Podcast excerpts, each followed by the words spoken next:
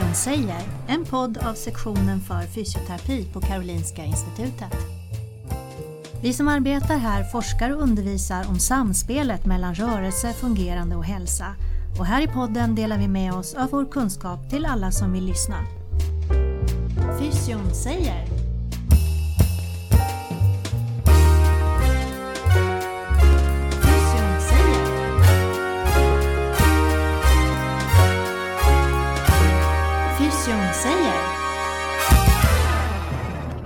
Ja, välkommen till Fysion säger. Mitt namn är Wim Groten och jag jobbar på Karolinska Institutet. Dagens gäst är Anna Pettersson som precis har fått ett fint stipendium. Grattis Anna! Jag blev själv väldigt överraskad. Jag fick eh, Ingrid Odéns forskningsstipendium. Oj, oj, oj. Vad är det för något? Ja, jag var tvungen att läsa på lite själv vem Ingrid Odén var, men hon var en kollega till oss, en sjukgymnast som var pionjär att eh, utveckla nya fysioterapeutiska metoder och att integrera dem i kliniskt arbete. Och hon lämnade efter sig en donation Mm. som då idag ger möjlighet till ett stipendium för fysioterapeutiska forskare vid sektionen. Mm. Det är inte mycket pengar men det är äran. Precis, tanken är att uppmuntra, det går till, till juniora forskare som bygger upp en forskningsverksamhet. Så det är ära och uppmuntran. Just det. Är du en forskare då alltså? För att jag tänkte med att presentera dig först. För de som inte känner dig. Jag känner dig som programdirektör på fysioterapiprogrammet. Eh, om man får ett forskningsstipendium då är man forskare också. Precis, mm, Och då är det pedagogisk forskning antar jag. Det stämmer. Om man stannar vid programdirektör, vad är det för någonting? Som programdirektor så har man ansvar för eh, alla kurserna som ingår i grundutbildningen på fysioterapeutprogrammet. Och då ansvarar jag för ytterst ansvar då, tillsammans med ledamöterna i programrådet för innehåll, progression och kvalitet kan man säga. Det är inte bara ett stipendium som ni har fått, ni har också fått någonting som heter KI Fellowship om jag läst på ordentligt. Vad är det för något då? KI Prime Fellow. Eh, och då kan jag berätta att Karolinska institutet eh, delar vartannat år delar de ut världens största medicinsk-pedagogiska pris. Och den här utdelningen sker vartannat år i samband med AMI-konferensen heter det. Och det är världens största konferens inom medicinsk pedagogik. Och i anslutning till det här, den, det här priset har kommit till genom en donation av Gunnar Höglund och Anna-Stina Malmborg. I anslutning till det här priset så har man också startat ett nätverk för just juniora forskare Ja. inom medicinsk pedagogik. Så det här KI Prime Fellow innebär att man är inbjuden till det här nätverket och ett mentorskapsprogram där man har möjlighet att ja, utbyta erfarenheter och få lite stöd i sin pedagogiska forskning. Nej men helt fantastiskt. Ja, det Så det. det är lite ketchup-effekt, allt, Ja. allt på en gång. Ja, verkligen. Och då är det naturligtvis fråga pedagogisk forskning, vad är det för någonting? Hur, hur går man tillväga egentligen? Pedagogisk forskning handlar ju om lärande och undervisning Mm. kan man säga. Både hur man lär och hur man bäst lär ut. Ja. Ja, och apropå lärandet. det- här året som har varit här, eller ett och ett halvt år, det måste varit väldigt speciellt i lärandet och framförallt lära ut. Har du några reflektioner kring pandemin? Vad har vi lärt oss? Jag tror de flesta har lärt sig någonting om digitalt lärande i alla fall. Och eh, jag har alltid varit den som har försökt att främja digitalt lärande och flexibelt lärande innan pandemin.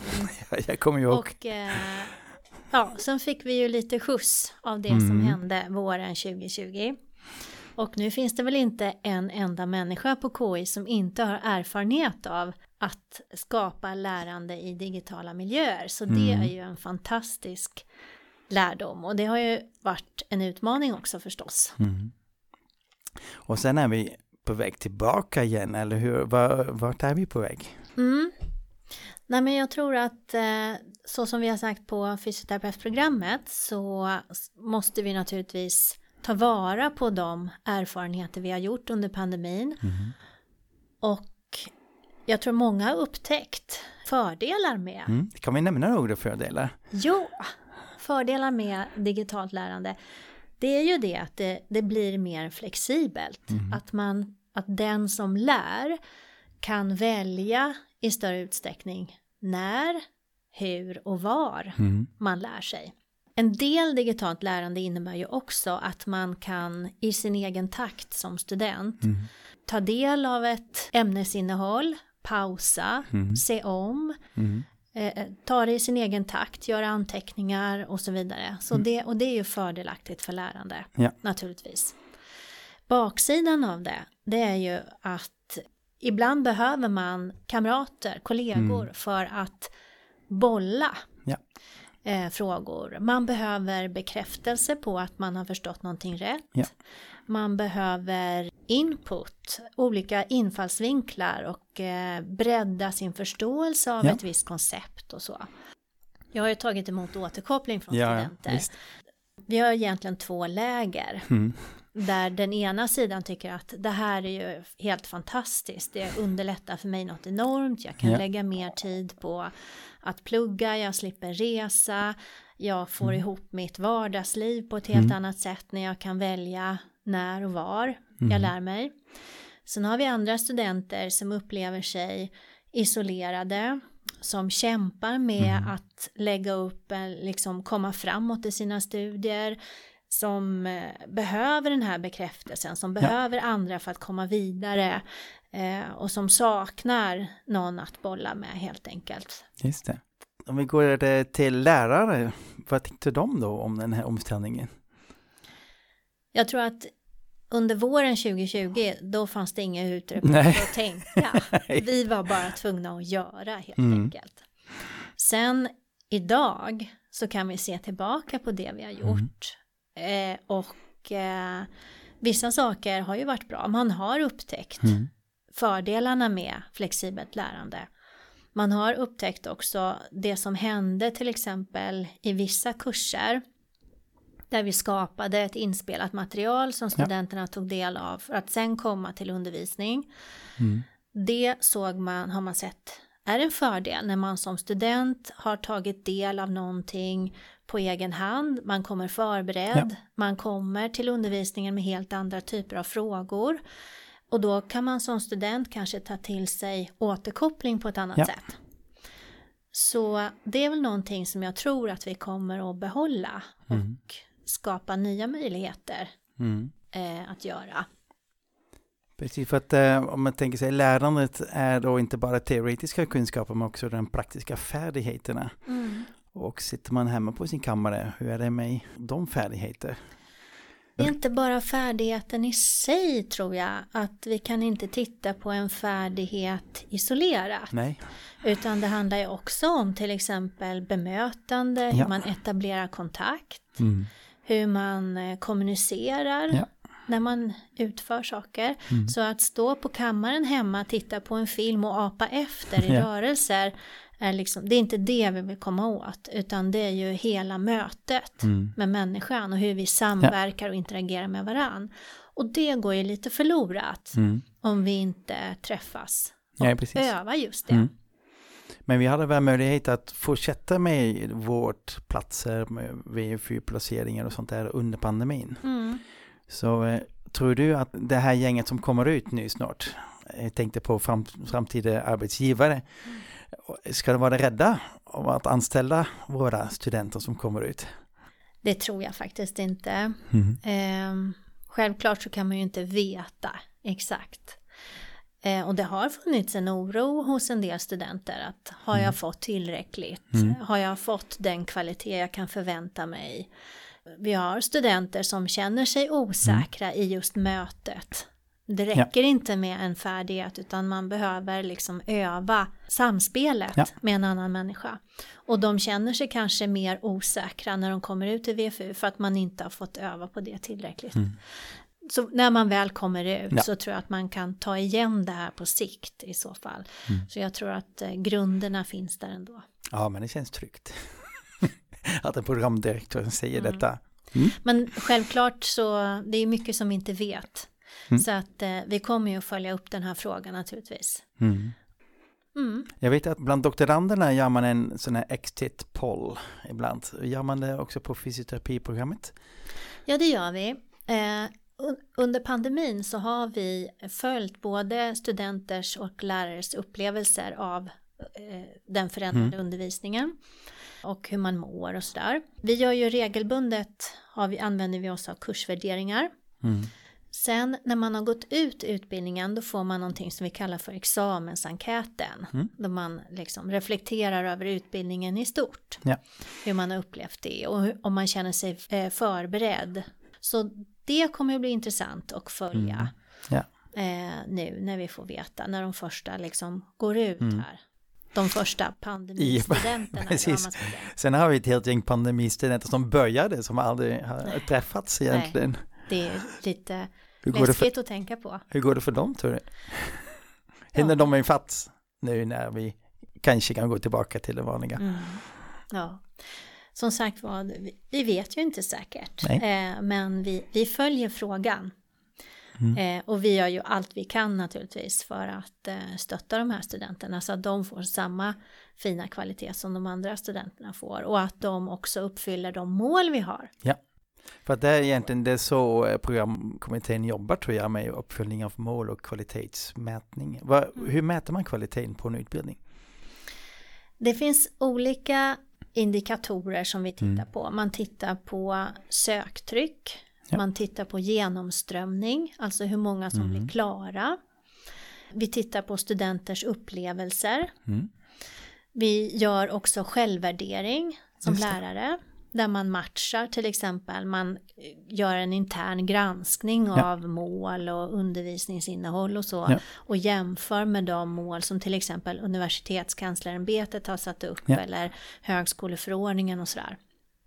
Mm. Så vi har en intern granskning, vi har extern granskning av experter, vi har studenternas upplevelser och ibland gör man också en alumni-enkät och Just då det. frågar man arbetsgivare Mm. hur våra studenter sköter sig och hur de uppfattar att de klarar sig när de kommer ut i Mm. arbetslivet.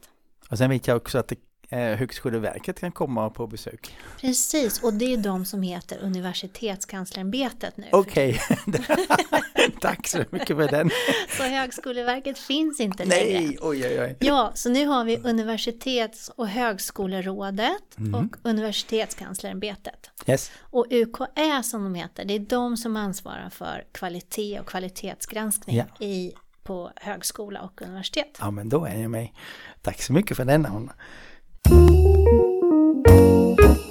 Om vi nu går in då till din forskning. Mm. Jag vet att du håller på med ett anatomiprogram, eller vad var det för någonting? Ja, jag Vad gör du? är engagerad i ett projekt där vi studerar hur olika hälsoprofessioner faktiskt lär sig anatomi genom visualisering. Och då har de ett sånt här visualiseringsbord på anatomen. Och då har vi studerat läkarstudenter, eh, sjuksköterskestudenter och fysioterapeutstudenter. Och de har fått ett case och så har de arbetat med det vid visualiseringsbordet. Och så har vi spelat in hur de liksom interagerar med bordet och hur de tänker och hur de förstår anatomi.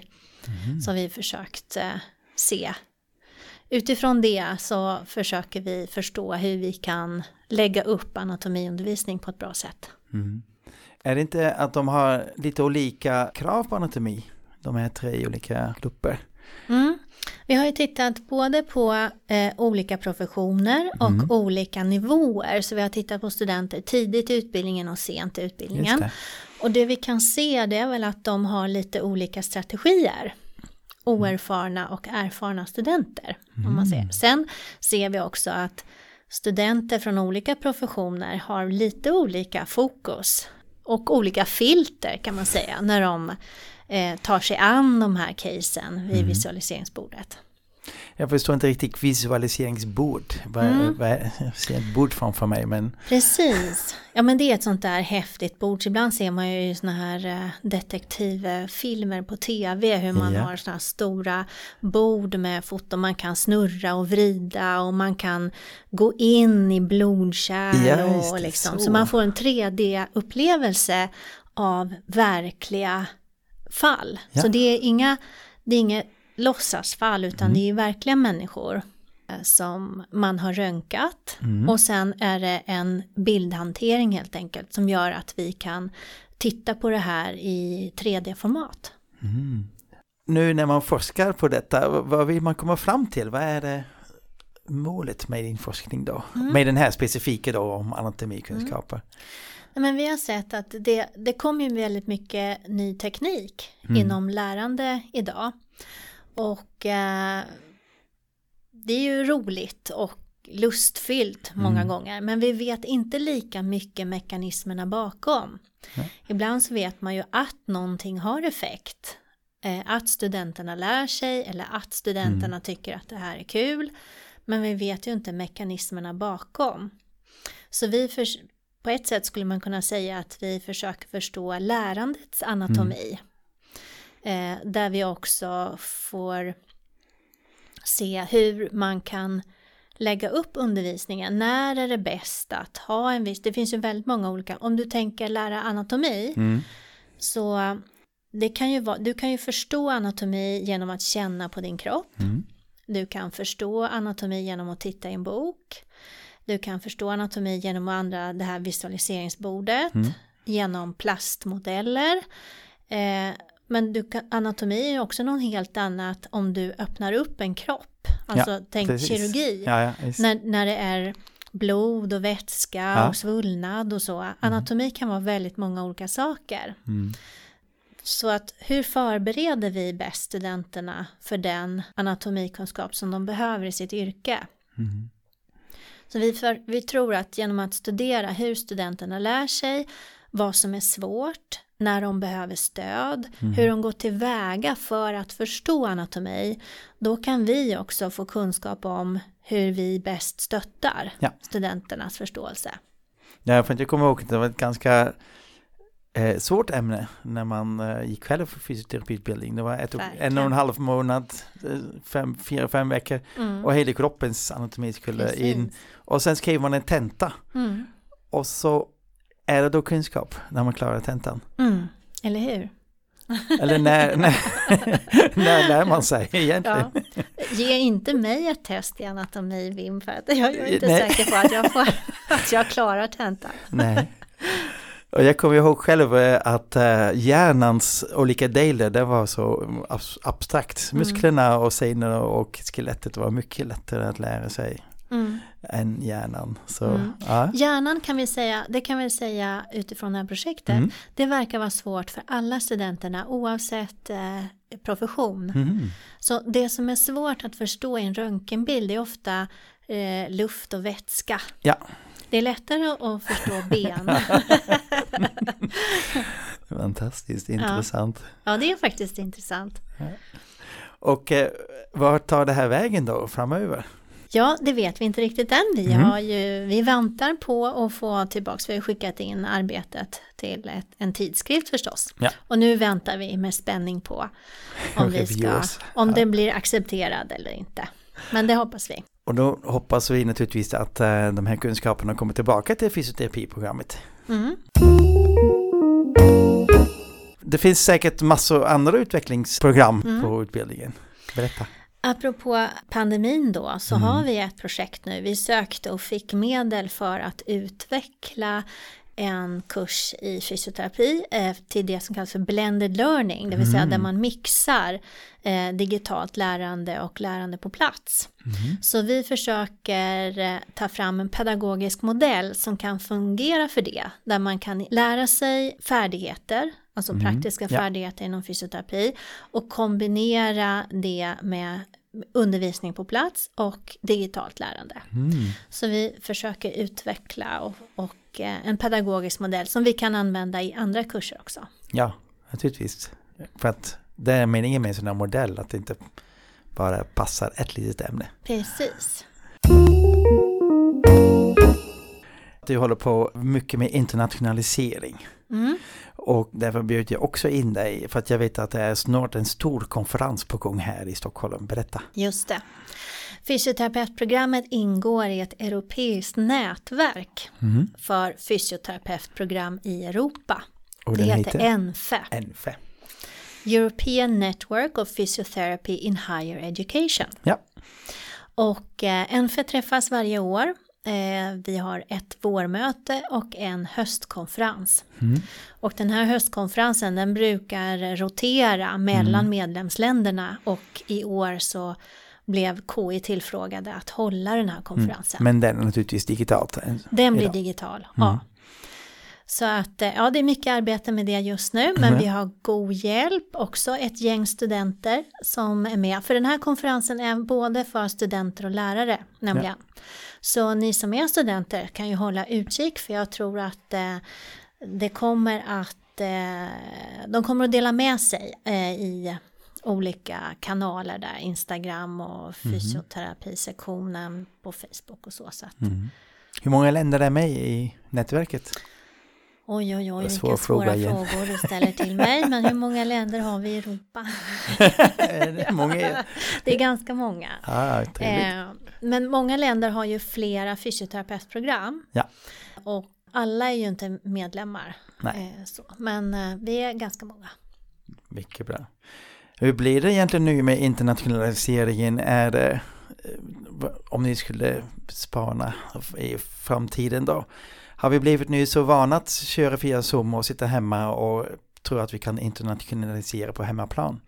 Eller kommer vi tillbaka, går vi tillbaka till utbytesstudenter och resa över hela världen? Mm. Vad tror du?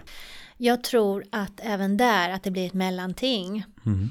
Det finns vissa saker som inte kan ersättas i ett digitalt möte.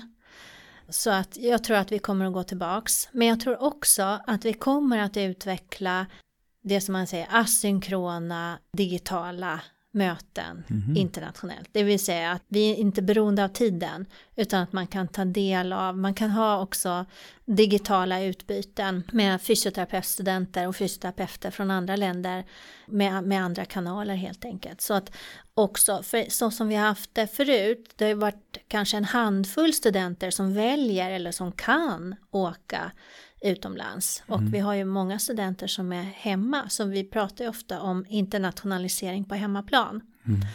Och eh, vi har ju en mångfald naturligtvis i hälso och sjukvården där man kan lära om andra människors kulturer och synsätt på hälsa och sådär. Men det är också intressant att ta del av fysioterapeutrollen. Hur är det att jobba som fysioterapeut i Sydafrika Mm. eller Indien eller USA och så. Så man kan ju lära mycket om det också. Mm. Och att prata fysioterapeutiska på engelska. Ja, Det är viktigt, mm. tror vi. jag tror också det.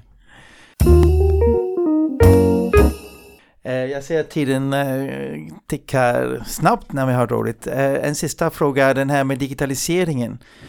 Ehm, I själva fysioterapiprogrammet har vi nästan inte något som är digital fysioterapi, eller har vi det? Ska vi lägga in det så småningom? Mm. Tänker du på eh, tänk- digitala vårdmöten och till e-hälsa och så? Ja, Mm. Eh, som det ser ut idag så kommer studenterna i kontakt med e-hälsa lite grann. Vi har ett mål om det, jag tror att det är termin två, Mm. där man ska känna till e-hälsa som begrepp och sådär. Mm. Men faktum är att en del andra fysioterapeutprogram i Sverige kanske har lite mer av den här varan och det hänger väl ihop med också hur deras region och hälso och sjukvårdssystem ser ut. Ja. Som till exempel Luleå och Umeå. Ja. Där sker en stor del av den kliniska vardagen för fysioterapeuter i norra Sverige. De har väldigt mycket digitala vårdmöten. mm. Och jag tror inte att det ser ut på samma sätt i Stockholm för vi har vården i Stockholm är så lättillgänglig. Det finns så mycket vård att Ja. välja på, allting är nära. Så vi har väl inte, jag tror inte att den kliniska vardagen i Stockholmsregionen ser ut på samma sätt som den kliniska vardagen ser ut för fysioterapeuter i Storuman. Ja. Det var en eh. klok tanke. Kanske ska vi ta del av de kurser där digitalt. Och det ska vi. Vi har faktiskt ett utbyte i vårt nationella nätverk mm. FPS. Oh. Så att, vi har ju också en nationell vetenskaplig konferens här i eh, oktober. Mm. Eh, fysioterapi 2021. Det vet den som prof- förbundet ordnar. Mm. Och där har vi faktiskt e-hälsa och digitala vårdmöten på agendan där vi ska få ta del av hur det ser ut i olika delar av landet. Fantastiskt. Då återstår bara att tacka dig för att du kom till eh, Fysion säger och önska dig stor lycka till med din forskning framöver. Tusen tack, det var roligt att få komma. Du har lyssnat till podden Fysion säger, en podd som sänds från sektionen för fysioterapi på Karolinska Institutet. Fysion säger